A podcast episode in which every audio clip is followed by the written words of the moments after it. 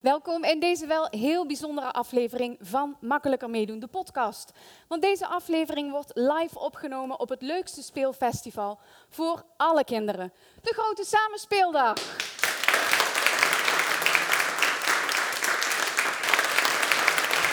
Je luistert naar Makkelijker Meedoen, de podcast. Samen ontdekken we hoe meedoen makkelijker wordt.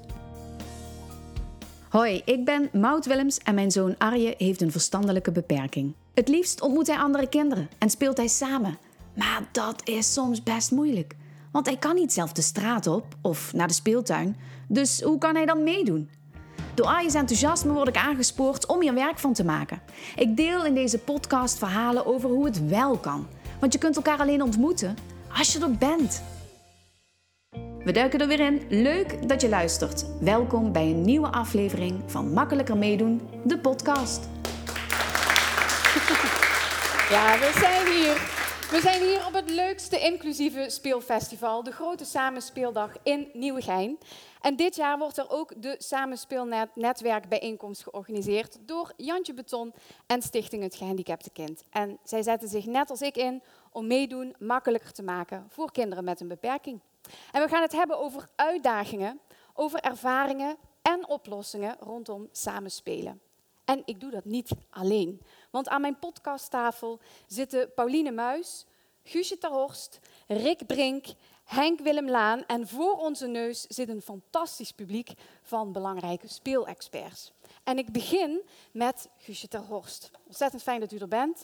U bent onder meer oud-minister Binnenlandse Zaken en oud-burgemeester van Nijmegen. Maar nu bent u bestuurlijk aanjager onbeperkt meedoen. Wat doet u in deze rol? Ja, dat is een hele goede vraag. Uh, minister Helder, dat is de minister van VWS. En zij is de coördinerend minister voor de uitvoering van het VN-verdrag gehandicapt. Het VN-verdrag gehandicapten is door Nederland in 2016 geratificeerd. Dus zeg maar de handtekening daaronder gezet. 2016 is al zeven jaar terug. Maar dat moet natuurlijk wel invulling krijgen. In dat VN-verdrag staat dat mensen met een beperking recht hebben op een autonoom leven, een zelfstandig leven, eigenlijk op alle terreinen. Dus het openbaar vervoer, werk, onderwijs, nou noem maar op. Maar dat moet je natuurlijk dan wel regelen. Nou, minister Helder is daar de coördinerende minister, maar op een heleboel departementen spelen natuurlijk delen van dat laten verdwijnen van de belemmeringen, spelen zich af.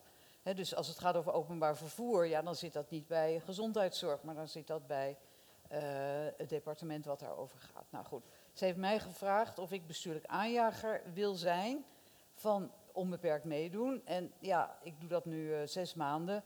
Maar na twee maanden vroeg ik me natuurlijk af, wie moet ik nou eigenlijk aanjagen? En wie komt er nou het meest in aanmerking om aangejaagd te worden?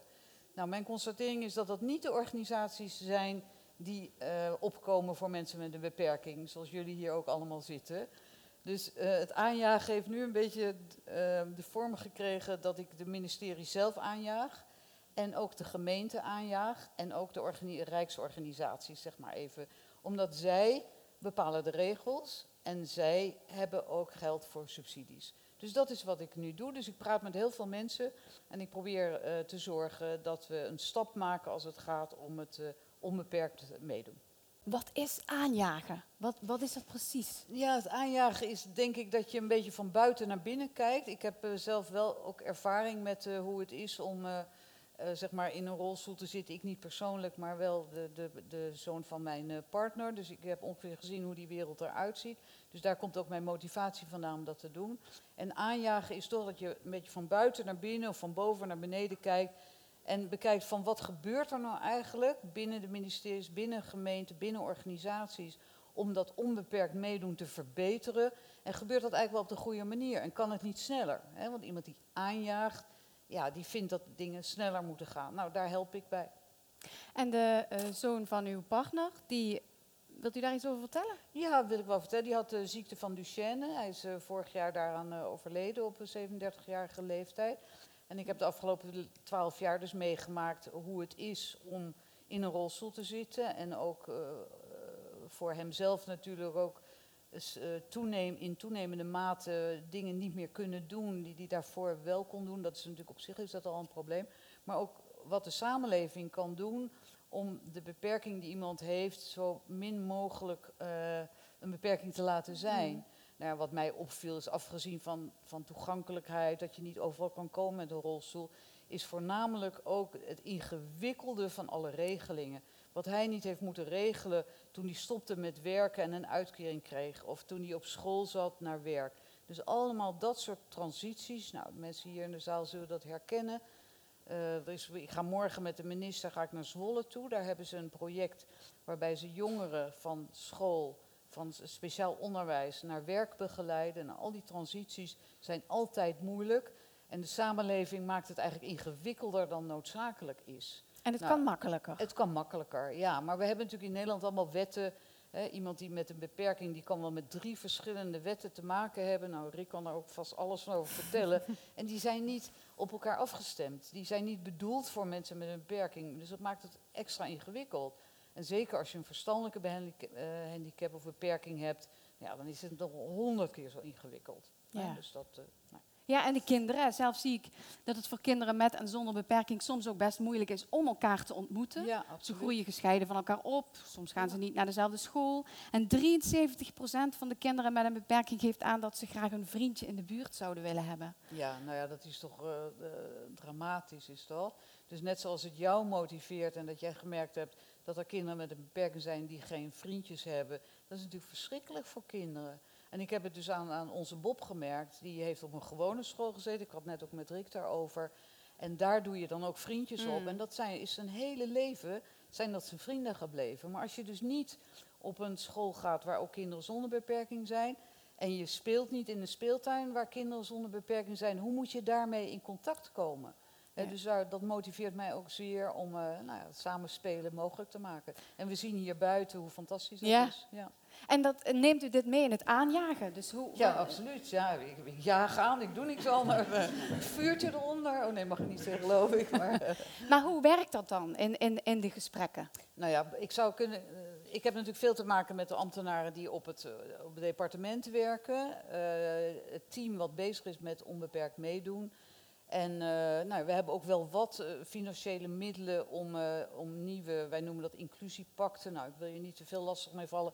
Maar dat zijn een aantal organisaties die samen een probleem bij de kop pakken. Wat ik net zei in Zwolle, zijn dus een aantal organisaties van werk en van school. En die zorgen dat kinderen met een beperking die van het voortgezet onderwijs komen, wel speciaal onderwijs komen, dat die aan het werk kunnen gaan. Nou, zo hebben we nog wat meer mogelijkheden om dat te doen. Dus dat is wat wij doen. En verder praat ik dus heel veel met leidinggevenden op andere departementen om hun duidelijk te maken dat ze echt aan de bak moeten. Gelukkig heeft de Tweede Kamer de minister de opdracht gegeven om tot een nationale strategie onbeperkt meedoen te komen. Nou, nationale strategie betekent dat je niet alleen maar een paar leuke pro- projectjes kan doen, maar dat je dat echt in een brede moet bekijken. Nou, daar zijn we nu hard aan het werk om tot die nationale strategie te komen. Daar zijn alle departementen bij betrokken. Dat strekt zich uit over een periode van zeg maar 15 jaar. Hè, want niet alles kan morgen geregeld worden. Voor sommige dingen, als je alle tram- en bushaltes toegankelijk wil maken, dan ben je zo 10 jaar kwijt. Als je alle treinen toegankelijk wil maken, ben je zo 10 jaar kwijt. Dus we hebben de blik op de toekomst, maar we kijken ook welke stappen moet je nou de komende periode nemen om dat toekomstbeeld ook daadwerkelijk te realiseren. Nou, Ja. Daar stop ik ook mijn energie in. Ja. En de kinderen, die zijn natuurlijk de toekomst. Ja, zeker. Nou, ik vind het ook hartstikke leuk dat hier de ambassadeurs zijn.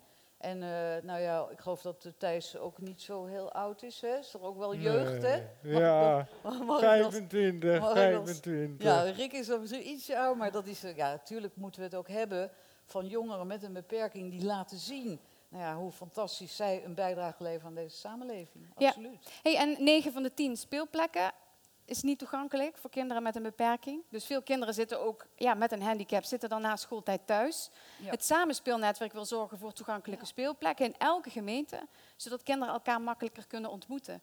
Eh, ziet u daar ook een opdracht? Jazeker. Nou ja, ik had net met eh, Henk Willem-Laan er al over dat de, de, ik geloof dat het Rijk daar nu 1 miljoen aangeeft om dat te realiseren. Het is nu al in, eh, ik- ik dacht dat, dat hij zei, maar je kan beter aan hem varen.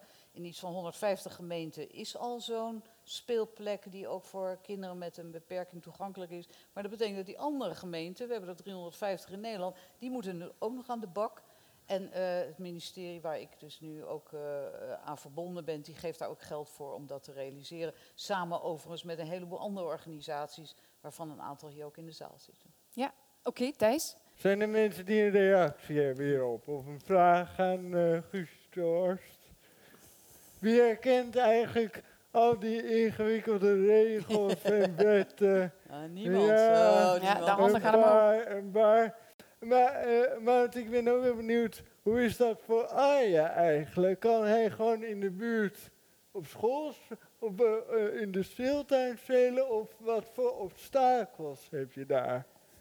Ja, er is een speeltuintje in de buurt. Eh, maar daar is die inmiddels al wel, wel weer wat groot voor. Ja, ja. Dus hij kan wel dat, dat voetballen eh, op het voetbalveldje, daar kan hij heen. Hij heeft hij inderdaad ook eh, een, eh, een vriendje die hij van de basisschool kent, waar hij naartoe is gegaan. Ja. ja. daar gaat hij nog steeds heel graag En dat, samen dat voetballen. lukt ook met de andere eh, buurtkinderen samen spelen? Ja, inmiddels eh, eh, gaat dat best goed. De ene keer gaat het ook niet zo goed. Weet je, het is Nee. niet dat het een voortdurende UPIA-stemming is. Nee, ik denk ook dat we kinderen daarin mogen, mogen helpen. Dus soms laat ik en soms help ik. Oh ja. Wie herkent dit? Als, eh, ja? Even naam en functie graag. Eh, Ilse van der Put eh, van Empowerment by Playing. En ehm, wat ik interessant vond, dat wat mevrouw de Horst zei, is van het aanjagen van juist die andere nou ja, eh, ministeries en zo. Ja. Als je het over samen spelen hebt, gaat het ook over het aanjagen van juist de kinderen die geen handicap hebben. Oh, Want op het moment dat er een samenspeeltuin is waar die toegankelijk is, en je Mhm. komt daar en de andere kinderen pesten je, dan kom je daar nooit meer terug. ja, ja, ja. En ze hoeven je niet eens te pesten, maar ze kunnen je ook negeren. En dat negeren komt vaak niet voort uit dat kinderen het andere kind niet leuk of interessant vinden, maar gewoon dat ze niet goed weten hoe leg je nou contact met een kind dat je niet kent en ook nog een handicap heeft.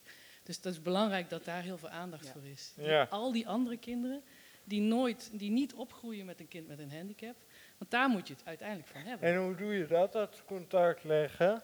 Ja, dat moet je gewoon eh, met de haren erbij slepen. Dus je echt zorgen dat kinderen die nooit contact hebben, dat ze dat wel een keer krijgen. Dus Ja. organiseren op school, organiseren op de speeltuin, zodat ze dat wel kunnen ervaren. Want Ja. dan pas heb je ja, de mogelijkheid om als kind in een speeltuin te komen waar je nog niemand kent, dat er iemand op je afrent en zegt, hey, doe je Ja. mee?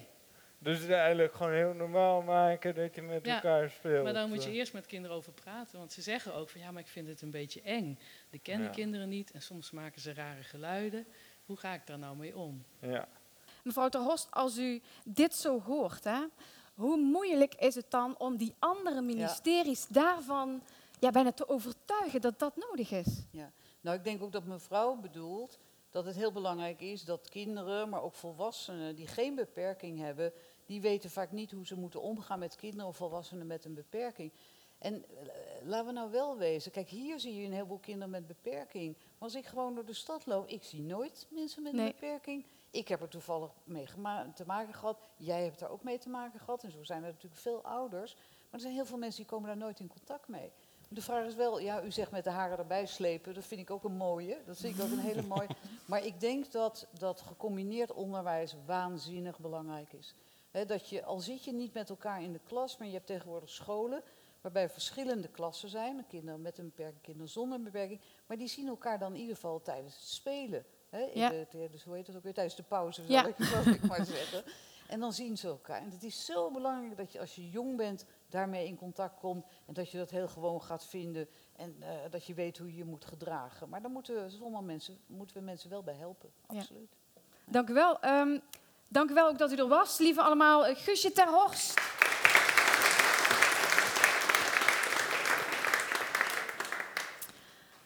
Pauline Muis, jij bent eh, 12 jaar en jij hebt inmiddels twee jaar ervaring als kinderambassadeur van Stichting Het Gehandicapte Kind. En inmiddels heb jij het stokje overgedragen aan Art en Feline. Jullie zitten hier op de eerste rij, hartstikke leuk. Ehm, Pauline, jij hebt net gespeeld op het festival. Ja, En met wie? Ehm, met Feline en mijn beste vriendin Jolijn. Die was ook mee? Ja. Oké. En wat hebben jullie gedaan? Ehm, we hebben eerst eh, zijn we bij de schmink geweest. Bij het schminken? Yes. Maar jij bent niet geschminkt nu? Op Je mijn hebt- arm. Oh, wauw. We houden hem even omhoog, dat iedereen hem kan zien. Het is een eh, bloemen en een regenboog zit erop. Wel echt heel prachtig. Ja.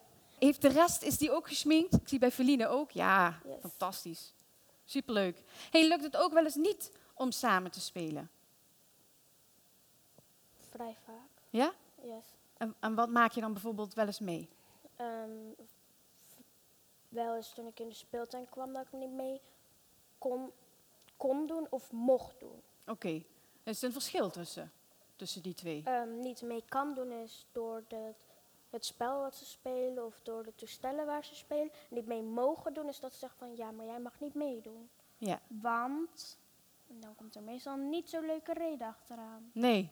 Hey, en dat niet mee kunnen doen, laten we daarmee beginnen. Dat niet mee kunnen doen. Yes. Dan heeft dat te maken met. Ehm, of een spel dat ze spelen of de niet zo'n goede toegankelijke speeltoestellen in de speeltuinen. dat je er eigenlijk niet eens bij kunt komen. Ja. Want voor de luisteraars die zien dat niet, jij zit in een rolstoel. Yes. Dus als er geklommen wordt ergens. Ja, dat kan ik niet. Nee, precies. En dan had je daarnaast nog dat het mee mogen doen niet altijd lukt. Yes. En dan zeggen ze niet zo leuke dingen. Nee. En wat zeg jij dan? Ik, ik wil zeggen, ik loop weg. Ik rij weg. dan rij ik gewoon weg. En of ik ga naar huis of ik ga mijn eigen vriendinnen opzoeken. Ja, ja. Mooi, we gaan zo meteen eh, naar alle leuke dingen toe. Dus dat is, eh, die bewaren we nog even. Dat is veel leuker. We gaan toe, eh, maar ik ga eh, naar eh, eh, de gast die naast jou zit. Dat is Rick Brink. Jij bent oud-minister gehandicapte zaken en nu onder andere groot pleitbezorger voor Samen Spelen. Ja.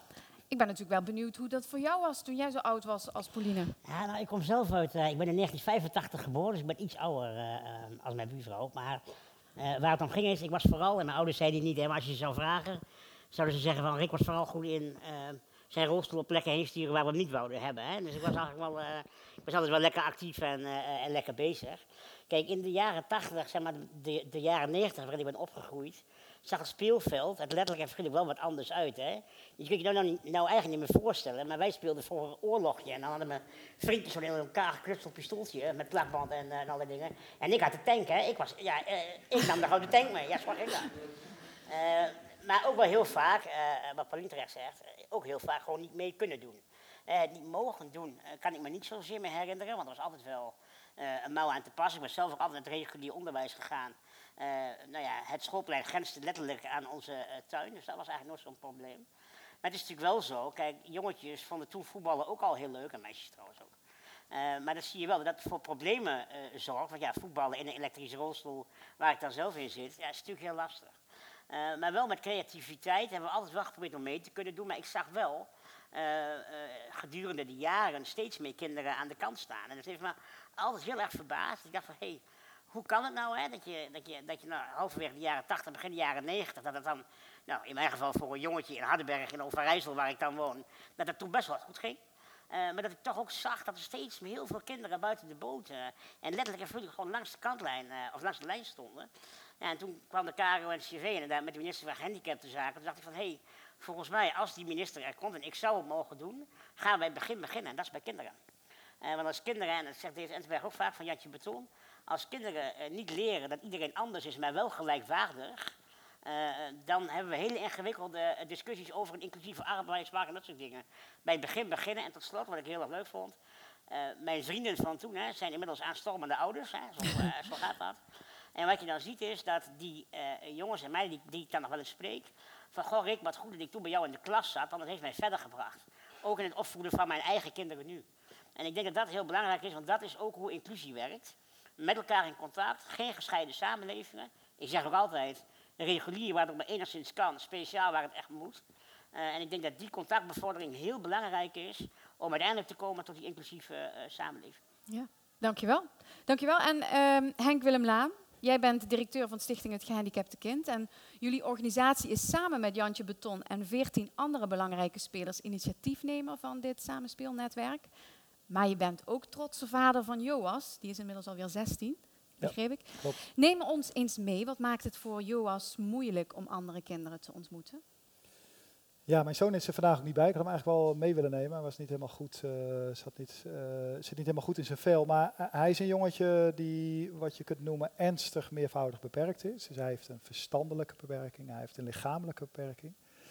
En ehm, dus hij is, ho- hoewel hij 16 jaar is, ehm, speelt hij het liefst met peutertjes.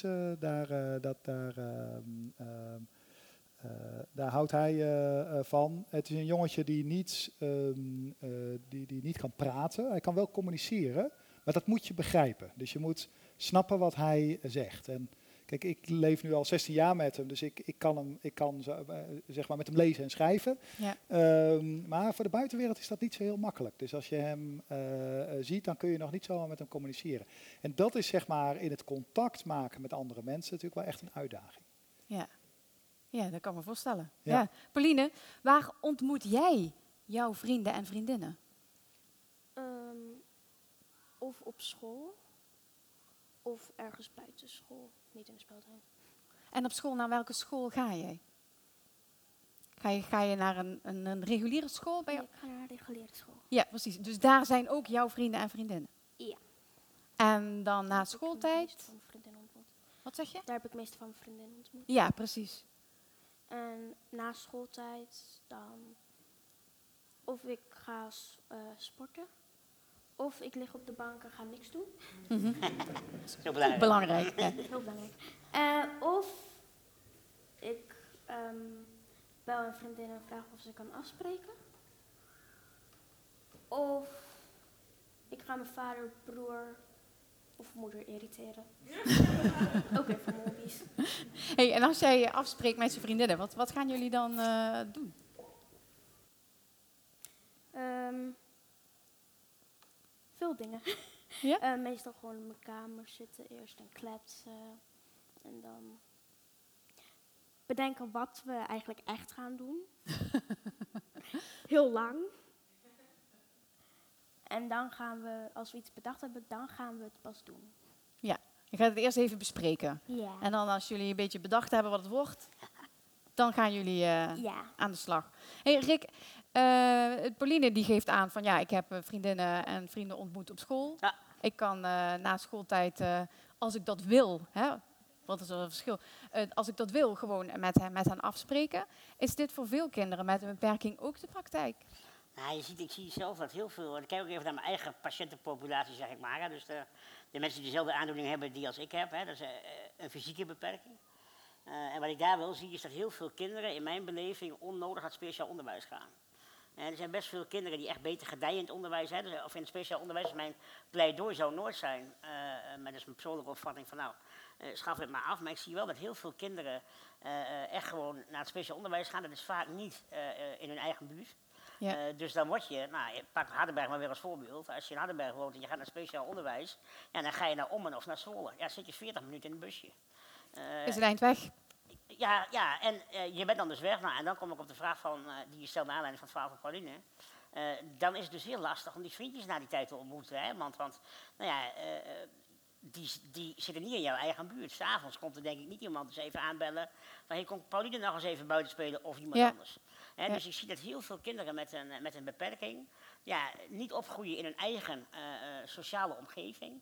Daardoor ook geen onderdeel zijn van kinderfeestjes of buitenspeelmomenten. Ja, en dan is het dus heel lastig om na schooltijd eh, met je vrienden leuke dingen te doen. Nou ja, en ook bijvoorbeeld het uitnodigen voor een kinderfeestje. Nou, volgens mij zitten hier ook mensen aan tafel die zelf kinderen hebben, hoorden we net. Eh, wat is nou leuker als je ouder bent en, en je kind wordt uit- uitgenodigd voor een feestje? Dat is natuurlijk het, ja, dat weet ik zelf ook nog wel. Dat was natuurlijk het hoogtepunt voor elk, eh, elk kind. Hè. Dus Ja. dus- nou, en dat hoop je gewoon, dat, dat heel veel kinderen met een beperking eh, dat mogen meemaken. Maar ik gun het kinderen zonder een beperking ook. Ook. Ja, Eh, allebei. Ja, Ja, ik ga even. Ik, wil, ik ben benieuwd hoe Henk Willem, wat, wat, jou, eh, wat jij tegenkomt vanuit je rol als directeur van Stichting Het Gehandicapte Kind. Is dit een verhaal dat je vaker hoort? Of die, Ja, zeker. Ja, dit is een verhaal wat we zeker vaker horen. En het, het verschilt natuurlijk wel per, eh, per handicap. Hè. Dus je zou kunnen zeggen, het gehandicapte kind bestaat ook niet. Mhm. Er zijn van heel veel verschillende soorten van, eh, van, eh, van handicaps. Maar als je, als je zegt van die ontmoeting is heel erg belangrijk, dan moet je elkaar wel tegenkomen. Volgens mij was het ook ongeveer het onderwerp van jouw podcast ook. ja, Waarbij je eigenlijk dat onderwerp bent gaan verkennen. En dat zie ik wel overal terug. Want niet voor elk kind is het nu ehm, en in de toekomst weet ik niet precies, maar nu altijd mogelijk om naar een school in de buurt eh, te gaan. Maar dan is wel de vraag, hoe kom je eigenlijk andere ki- kinderen tegen? Hoe kun je elkaar eh, ontmoeten? En, en dit is wel het onderliggende eh, verhaal. Want als je dan een beetje de, de cijfers daaronder... één op de vijf kinderen met een handicap heeft geen vriendjes... drie op de vijf geen vriendjes in de buurt. Hoe, hoe, hoe, komt dat eigenlijk? Ja, omdat je elkaar zo weinig ont- ontmoet. En, ehm, Want nou, dat gebeurt op school. Nou ja, school is in ieder geval een plek waarvan je ook weet zeg maar, dat het een hele vanzelfsprekende plek is. Dat is eigenlijk de, de, ja, heel simpel gezegd de plek waar je het meeste doorbrengt. Dus als Pauline vertelt van ja, ik, ik ga naar een, een, een, een- school in uh, Bunschoten, is volgens mij toch? Ja, in Bunschoten. ehm, ja, dan, dan zit je elke dag met allemaal andere kinderen. Ja, je hebt alle tijd om elkaar te ontmoeten. En niet met iedereen ben je waarschijnlijk bevriend. Maar je hebt een aantal vriendinnen. Ja, dat zijn eh Pauline lookalikes eh, eh, waar je contact mee hebt. Alleen zitten zij niet in de rolstoel, toch? Eh, goed, en dan krijg je eigenlijk die contacten. En, ehm, en dit is wel het verhaal wat we, wat we bij heel veel, ehm, bij heel veel kinderen met handicap dus zien. Ja, je ziet echt ook drijven aanvullen wat Henk Willems zegt. Kijk, als je, ik ben zelf oom van drie kinderen. Nou, die kinderen kunnen met mij lezen en schrijven, denk ik. Maar wat ik heel erg fascinerend vond, ik was laatst met, met twee neefjes een dagje weg. En dan kinderen die dan rondlopen in een dierentuin waren, die kijken mij heel ernstig aan. Die zijn verbaasd, hè, vinden mij vreemd, snap ik ook, hè, want je ziet me niet elke dag. Maar mijn neefje snapt niet dat er kinderen zijn die naar mij kijken. Nee, Dat nee. begrijpt hij niet. Terwijl hij slim genoeg is. Hij is acht jaar, hij weet echt hoe de wereld een beetje werkt. Ja. Maar hij snapt dat niet, omdat hij het heel normaal vindt dat, dat er mensen zijn in een rolstoel. Ja. Dus eh, ik zie het ook gewoon gebeuren dat contact maken van jongs af aan werkt. Ja. Dat werkt gewoon. En dat vind ik herkenbaar, want mijn, eh, mijn jongste zoon die vindt dat vaak ook, ook, ook heel vervelend. En dan komen we, komen we ergens en zeggen, waarom zit iedereen zo te kijken? En voor hem is het heel erg vanzelfsprekend. En ik denk voor ons geldt dan wel, kijk als je een kind hebt wat niet zo makkelijk contact maakt, hè, dus die kan niet zomaar praten, wat is het kringetje waar je me- mee kan doen wel wat kleiner, maar dat je die, eh, die plekken wel moet opzoeken. Dus wij zoeken die, die plekken ook in de buurt wel op, waar je wat langer contact kan hebben. En als je dan even kinderen iets langer. ehm, ja, het leuke van kinderen vind ik altijd, ook als ze bij mijn zoon komen, dat, ze, dat zij het lef hebben om gewoon heel veel dingen te vragen. Ehm, en dat vind ik eigenlijk mooier dan dat je alleen kijkt. Ik, ik moedig ook altijd uit aan om, vraag het maar, wil je wat vragen zeg maar. Ja, waarom heeft hij zulke grote ogen? Wat, wa- waarom heeft hij een speelgoedje vast? Je ziet toch een wat grotere jongen die een speelgoedje vast heeft. En allemaal dat soort vragen. En dan, ehm, oh, maar kan ik ook even met hem springen dan op de, op de trampoline? Ja, tuurlijk vindt hij Dan komt het leuk. vanzelf. En dan komt het vanzelf. Ja. Maar, nou, vanzelf, je moet helpen. moet helpen, Je moet ja. helpen. Vanzelf was Ja. een te groot woord Dat, is, hiervoor. dat vind ik, eh, nou, dus in mijn situatie denk ik van, ik moet wel echt helpen, maar, en je hebt wat meer contact met elkaar nodig, maar dan kan het wel en dan komen die eh, contacten wel. En ik moet zeggen, bij hoe jonger kinderen zijn, hoe opener ze er ook nog voor, eh, voor staan. Dat, vind ik, dat is ook altijd een mooi kenmerk van de hele jonge kinderen. Ja. Zelfs nu kleine peutertjes, die kunnen gewoon heel origineel met een jongen van 16 samen, samen spelen. Die zijn dus helemaal niet met bepaalde vragen daarover soms ook bezig. Ja. Even een paar en daarna ga je gewoon is weer lekker spelen. Ja. ja. De, Pauline, herken jij dat soort, eh, hè, dat, dat Henk Willem en, eh, en Rick dan zeggen van, eh, van ja, die starende blikken? Oh ja, Ja? helaas wel. Oh, en, en, en wat, wat, hoe ga jij daarmee om? Negeren. En, ander, en anders zeg ik, hoi, ik ben Pauline en wie ben jij? Oh, tof. Ja. Hey, ik, ehm, ik- Thijs, ik ben even benieuwd hoe dat ook is even voor, eh, voor Art en Feline. Ja, want we hebben hier eh, twee kinderambassadeurs eh, van het gehandicapte kind. Feline, hoe is jouw ervaring met eh, samenspelen in de speeltuin? Het is wel leuk, maar heel veel kinderen die blijven staren en wijzen.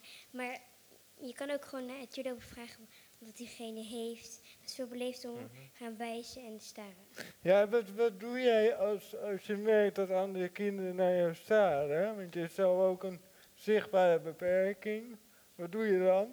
Net als Pauline gewoon negeren en anders erheen lopen en zeggen ze niet leuk vindt. En is het dan ook wel dat je dan omdraait? Dat je zegt van, joh, zullen we samen eens eh, gaan spelen? Soms wel. Ja. En hoe is dat voor jou, eh, Art? Ja, ik heb eigenlijk ook dat ik eh, word aangekeken. Ehm, d- eh, dat heb ik wel eh, soms. want, en dan kijken die kinderen een beetje zo van aan van, wat heb jij nou? Ja. En dan, dat, dat is dan niet fijn. Nee. Want voor je gevoel denk je dan van, hé, hey, hoor ik hier niet of zo. En dan denk, denk ik van, durf, je, durf je te vragen? Maar meestal negeer ik ze dan gewoon. En dan, eh, als je, en dan denk ik, als je het wil vragen, dan kom het maar dan gewoon vragen. Ja. Ik ben ook wel benieuwd Ja. naar dat vragen. Daar hadden we het net ook al even over. Hè. Je moet dat ook als ouder soms ook gewoon durven vragen. Maar, maar dat vind ik soms best moeilijk. Je moet soms zelf een drempel over om dan of die kinderen eh, met hem in contact te brengen. Of als het even niet lekker loopt, om daar dan om dat, om dat te begeleiden of om dat eh, om te buigen. Ehm, Henk Willem, jij zei net al van ja, ik eh, help kinderen daar heel bewust bij. Ehm, Rick, hoe gingen jouw ouders hier vroeger mee om? Nou, mijn, mijn ouders zijn hele nuchtere mensen. En ik weet nog wel dat ik een klein jongetje was, en, eh, of een jong jongetje was, en dat, dat wij over straat eh, eh, reden. En mijn vader liep naast mij, en dat was in Zoutelanden, in Zeeland, waar we altijd op vakantie gaan. En er waren heel veel mensen die waren naar mij aan het staren. En zeiden, papa, waarom kijken al die mensen naar mij? Toen zei mijn vader altijd, Rick, niet zo zeuren, want als je Frans Bouwer bent, je loopt hier over straat, kijken de mensen ook naar. Ehm, dat was het korte antwoord. Het iets langere antwoord is dat mijn ouders daar heel erg eh, ja, nuchter mee omgaan. Ook wel hè, het, het uitleggen. Eh, maar ik kan me een situatie zeggen dat we er gewoon even geen zin in hadden. Ja. En dat je dan ergens bent en dan ben je leuk, ga je ergens eten of, er is gewoon, ja, of je gaat toch weer naar die dierentuin of iets Je anders. wil ook niet altijd Frans Nee, Bauer en dan zijn. komt Ja. iemand naar je toe, eh, mag ik vragen wat jij hebt? En dan denk ik, ja, eh, nu even niet. dus, eh, en met name toen ik puber was, ehm, vond ik dat wel lastig. Ja. Eh, ook, en ik merkte ook wel dat mijn vrienden daar ook wel last van hadden. Wij zeiden trouwens altijd, als je naar Rick moet kijken, kost je een euro. Hè? Daar- waren wij een beetje van. Maar we waren wel, eh, eh, zij hadden daar wel meer last van, eh, van als ik.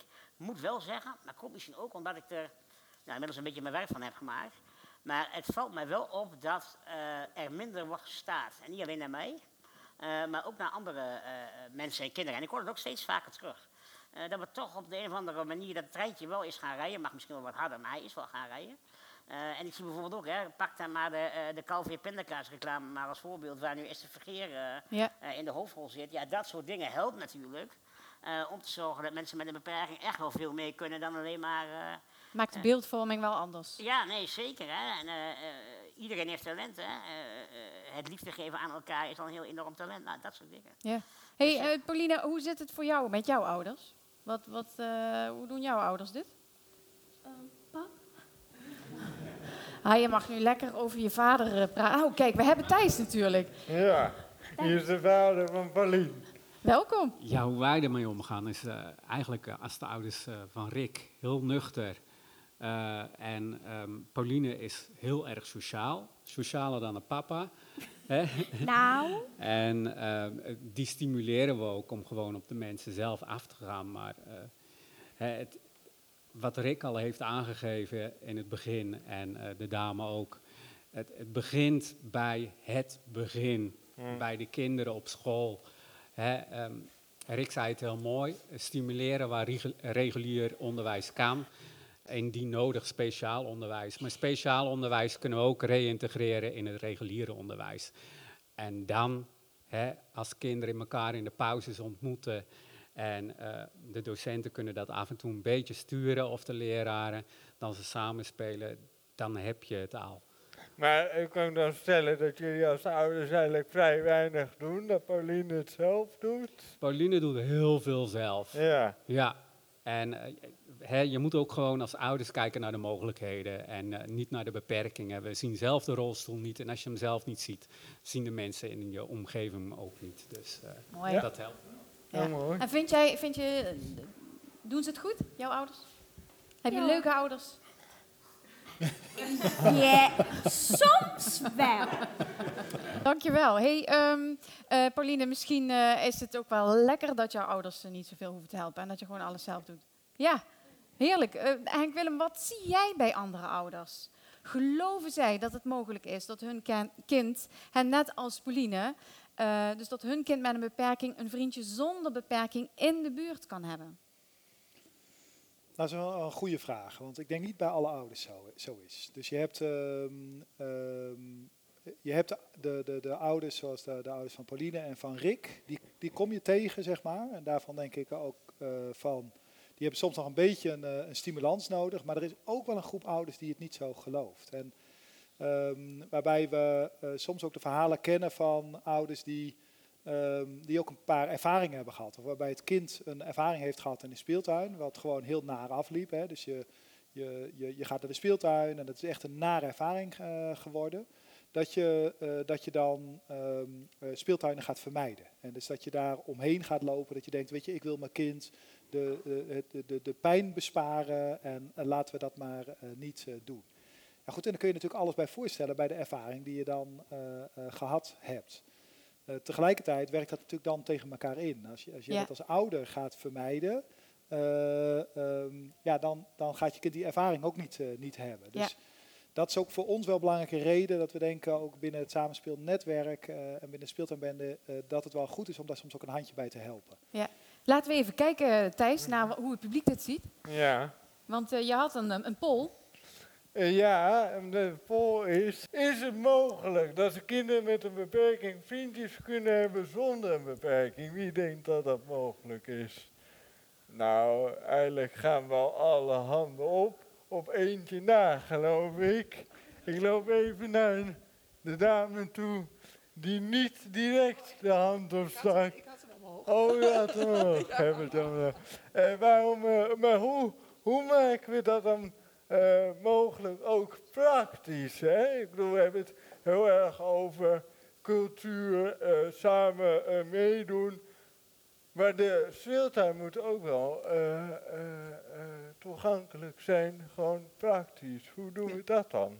Nou ja, ik, ik ben toevallig van een speeltuin, dus wij zijn daar ook heel erg druk mee om, om speeltuinen toegankelijk te maken voor kinderen. De 9 van de 10 speeltuinen zijn nog niet toegankelijk. Aan wat voor aanpassingen moet ik dan denken? Eh, aanpassing in het, de bereikbaarheid eh, eh, van de speeltuin zelf, maar de bereikbaarheid van de speeltoestellen en de soorten speeltoestellen. Ja, Dat ze ook, ook samen kunnen spelen op een ja, toestel. en wat, wat noem dat is een speeltoestel wat, dan, wat jullie dan aangepast hebben? Nou, heel, heel simpel, bijvoorbeeld een, een zandtafel, hè, waar kinderen met een rolstoel eh, eh, in, in, in de aangepaste zandbak kunnen spelen. En andere kinderen kunnen ook gewoon in diezelfde zandbak spelen. Ja. Dat is gewoon heel, heel simpel, eh, praktisch iets. Ja, dank u wel. We zien in het publiek dat eigenlijk iedereen, en we zitten hier ongeveer met 40 eh, mensen, denk ik, dat iedereen eigenlijk wel gelooft dat dat moet kunnen. Dat kinderen met en zonder beperking eh, bevriend raken. Eh, we gaan gauw even kijken, ook met jullie hier aan tafel, hoe we ervoor kunnen zorgen dat dit ook echt gaat lukken. Ehm, Henk Willem, is er iets concreets dat jij als vader van Joas bijvoorbeeld hebt gedaan om ervoor te zorgen dat, dat, ja, dat het makkelijker wordt voor hem om andere kinderen te ontmoeten? Of juist makkelijker voor die andere kinderen om hem te ontmoeten? Ja, dat zijn wel echt die eh, contactmomenten. Dus ik, Ja. ik heb het echt op moeten zoeken om eh, op plekken eh, te zijn, zeg maar, waar wij vaker samen konden, konden zijn. Ehm, waardoor mensen ook echt de tijd hadden en groepen de tijd hadden om hem wat beter te leren kennen. Dat was En wat voor plekken zijn dat? Nou, wij, bijvoorbeeld, wij zijn eh, onderdeel van een, van een klein kerkje in de, in de wijk. Kleine gemeenschap, zeg maar. Dus je, je, wij zouden dan niet lid moeten zijn van een hele grote kerk, zeg maar, Mhm. met heel veel mensen. Maar we zijn lid van een hele kleine eh, kerk. Waardoor je een hele kleine gemeenschap hebt die heel veel dingen met elkaar doen. Waarin dat, eh, wanneer je elke zondag, eh, bijna elke bent. zondag, vandaag niet, maar bijna elke zondag elkaar daar dan ontmoet. Leuke activiteiten, er gaan allemaal leuke activiteiten. En daar gaan wij dus dan altijd naartoe. En dan heb je, eh, dus inmiddels is, is, is, is hij daar, iedereen eh, snapt hem nu ook beter, zeg maar, als hij een hand geeft van wat wilde je eigenlijk? Eh, Ja. Je even meenemen ergens naartoe. En ook voor kinderen, nou die kijken er helemaal niet meer vreemd van. Nee, dus iedereen heeft, is helemaal meegenomen en hij is er. Hij gaat altijd mee, jullie zijn er als gezin. En dan heb je, wij hebben dan voor hem in ieder geval een kleine gemeenschap Ja. nodig. Ja, en dat werkt. En dat werkt. Ja, ja. Rick, een voorbeeld uit jouw jeugd. Wat, wat moest jij bijvoorbeeld, welke stap moest jij extra zetten? Nou, ik denk dat ook wel, maar dan ga ik toch ook even terug naar mijn ouders. Ik denk dat mijn ouders, en dat zie ik bij kinderen met een, of jongeren met een beperking, dat ouders heel erg kijken. Elke ouder is bezorgd over zijn kind, dat is heel normaal lijkt mij. Eh, alleen je ziet dat eh, ouders van kinderen met een beperking vaak extra bezorgd zijn. Waardoor die kinderen misschien niet de vrijheid krijgen die ze we- wel graag zouden willen hebben. Hè. Praat ik even over ja, mensen die een fysieke beperking hebben zoals ik. Eh, en mijn ouders hebben altijd wel, en dat vonden ze lastig, tot op de dag van vandaag weet ik, eh, om gewoon mij ruimte te geven. Maar ze hebben het altijd wel gedaan. Hè, ik, eh, eh, ik heb een broze botten aandoening. Eh, nou, als er een bal op mij valt, dan breek ik misschien wel een arm. Ik kan me voorstellen elke- dat ze bezorgd zijn. ja, eh. nee, maar ik stond wel elke zaterdagmiddag bij mijn vriendjes langs de lijn te kijken die lekker aan het voetballen waren. Hè. Dus, dus eh, ook het regulier onderwijs, nou gewoon, ik kan er heel veel van vertellen, maar ik denk het, het ruimte geven aan mijn beperking en ook echt gewoon, Rick, ga maar met die rolstoel de wijde wereld in. Ga maar eh, toch maar met je broze botten zitten achter het stuur stappen van de auto, doe dat maar. Eh, en ik denk dat dat wel heel bepalend is geweest voor, eh, voor mijn hele leven, dat durf ik echt te zeggen. Dat je het gewoon, dat je het soort van het vertrouwen kreeg om het gewoon te gaan doen. Ja, bijvoorbeeld, nou, even een heel klein voorbeeld. De stap van Rick zelfstandig wonen, dat is nu twee jaar geleden. Mhm. Ik ben op mijn 35 naar huis gegaan. Dat is vrij, ja, dat kun je zeggen, dat is vrij laat. Maar uiteindelijk heb ik wel gezegd, we gaan dit wel doen. Want jullie moeten ook zien dat dat gewoon kan. En, en niemand heeft eeuwig leven, ook zij niet. Ja. Dus ik had ze heel graag, had ik gewild dat ze, eh, dat ze zien waar ik ben terechtgekomen. Dat is gelukkig gelukt. Eh, maar ook dat vonden zij eh, heel erg lastig. Ja. Maar goed, nu Ja. ze zien dat het goed gaat, vinden ze het ook wel weer prima. Hè? Ja, Dus, eh, precies. Het is ook van, dan gaat het goed en dan is een vervolgstap ook wel makkelijker. Ja, Ja. Nee, maar echt gewoon ruimte geven. Maar, en ik snap ook dat dat niet voor iedereen kan, hè, dus laat dat ook helder zijn. Maar ik denk dat voor mijn situatie, want dat was ook de vraag, denk ik dat het voor mij wel heel bepalend is geweest. Eh, ja, en ook gewoon, hebben ze ook altijd gezegd, van, Rick, kijk nou gewoon naar de dingen die je wel kan. Eh, want dan word je een veel leuker mens van. Anders dan, eh, ja, vind je, is je ding het gezeur gewoon staat, zeg maar. Ja. Eh, dus ja, een beetje dat. Mooi. Ja, dankjewel. En ehm, Pauline, heb jij speeltips? Er zijn natuurlijk veel eh, ouders die nu luisteren, die ook een kind hebben met een of andere eh, beperking. Eh, Geef ze maar eens tips. Wat kunnen ze doen? Ik heb een tip voor de kinderen zonder een beperking. Kijk, vind ik ook goed. Kom maar. Ehm, als je een kind ziet met een beperking, wees niet bang om naar het kind toe te gaan om te vragen: wil je meespelen? Dat zou die juist heel erg waarderen. Zou die juist Ja. heel leuk vinden. Dus ga er op af. Laat het kind niet op jou afkomen. hey, dat vind ik een hele mooie. Dankjewel. En Ja. voor de ouders, kinderen met een beperking zijn ook gewoon kinderen.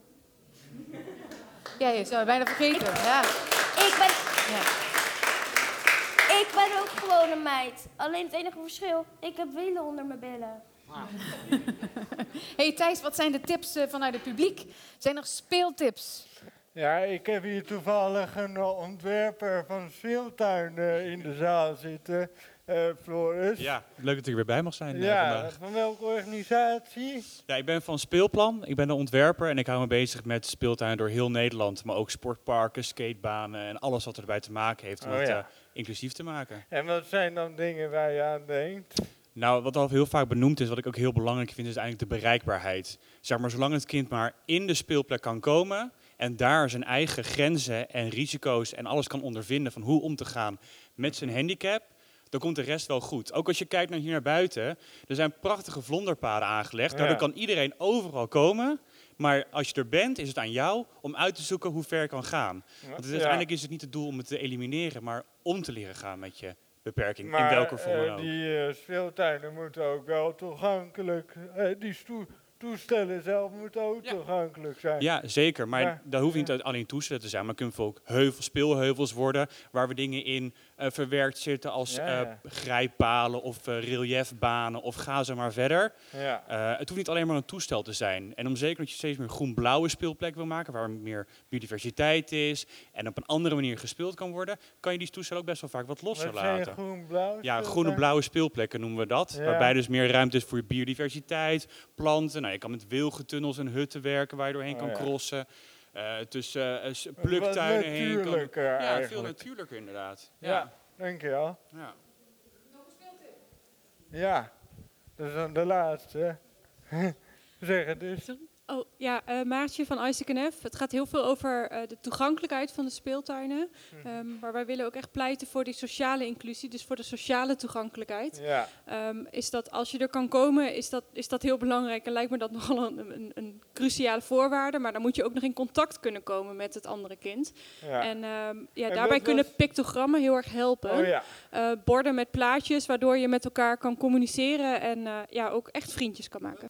Ehm, mijn naam is Rijn Beekhuizen. Ik zit hier namens de Hogeschool Utrecht. Wij doen onderzoek naar eh, hoe we samenspelen zouden kunnen faciliteren. Kinderen Ja. met en zonder een beperking samen naar buiten sturen. En ik zit hier ook een beetje namens de kinderfysiotherapeuten. En ik denk Ah, dat een belangrijke tip ook voor hun zou kunnen zijn...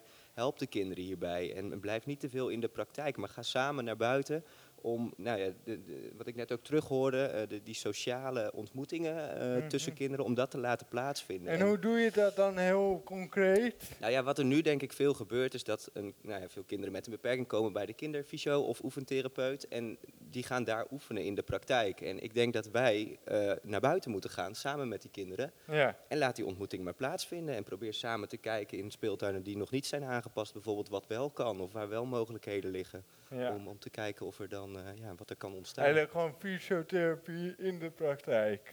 Ja, ja, en Ja. dan lekker buiten. Ja, precies. Ja, dus ja. vooral ga naar buiten, ga het doen, eh, stap op iedereen af, nodig mensen uit, nodig kinderen uit om vooral mee te doen. En wanneer je nu aan het luisteren bent en je hebt een idee gehoord waarvan je denkt, ja, dit ga ik gewoon doen, ehm, ja, dan nodigen wij jou hier vanuit de grote samenspeeldag uit om dat gewoon morgen ook te gaan doen. Dankjewel aan de gasten Guusje Terhorst, Pauline Muis, Rick Brink, Henk Willem Laan en natuurlijk Thijs de Lange. Deze aflevering van Makkelijker Meedoen, de podcast, werd mede mogelijk gemaakt door de initiatiefnemers van het Samenspeelnetwerk Jantje Beton en Stichting Het Gehandicapte Kind. Je vindt hen op www.samenspeelnetwerk.nl. Dankjewel voor de gastvrijheid van Forte Batterijen in Nieuwegein. Leon Bartels voor het geluid. Dankjewel, lief publiek. Superleuk dat je luisterde naar weer een aflevering van Makkelijker Meedoen, de podcast. Wil je meer weten over Jantje Beton, Stichting Het Gehandicapte Kind en het Samenspeelnetwerk? Je vindt de links in de show notes.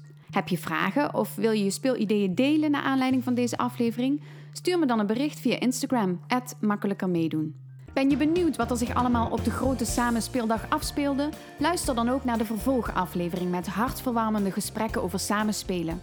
Abonneer je op deze podcast of klik op volgen. Zo mis jij niets en kunnen nog meer mensen die belangrijke boodschappen horen. Ik wil spelen, geen kind zonder vriendjes. En je kunt elkaar alleen ontmoeten als je er bent. Tot de volgende!